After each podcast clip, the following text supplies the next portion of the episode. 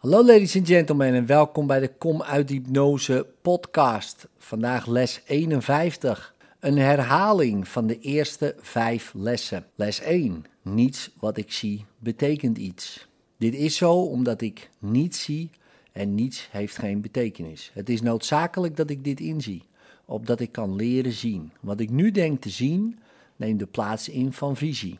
Ik moet het loslaten door te beseffen dat het geen betekenis heeft, zodat visie daarvoor in de plaats kan komen. Herhaling van les 2. Ik heb alles wat ik zie, alle betekenis gegeven die het voor mij heeft. Ik heb alles waar ik naar kijk beoordeeld en dat, en dat alleen is wat ik zie.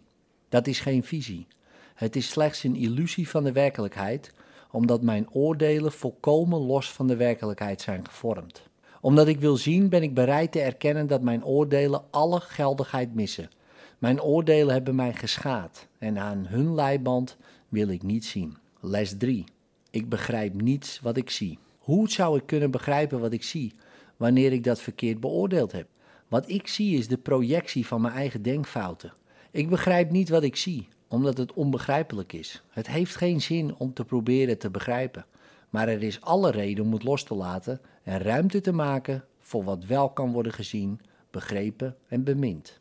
Wat ik nu zie, kan ik hiervoor inruilen, eenvoudig door daartoe bereid te zijn. Is dit geen betere keuze dan die welke ik eerder maakte? Les 4. Deze gedachten betekenen niets. De gedachten waarvan ik mij bewust ben, betekenen niets, omdat ik probeer te denken zonder God.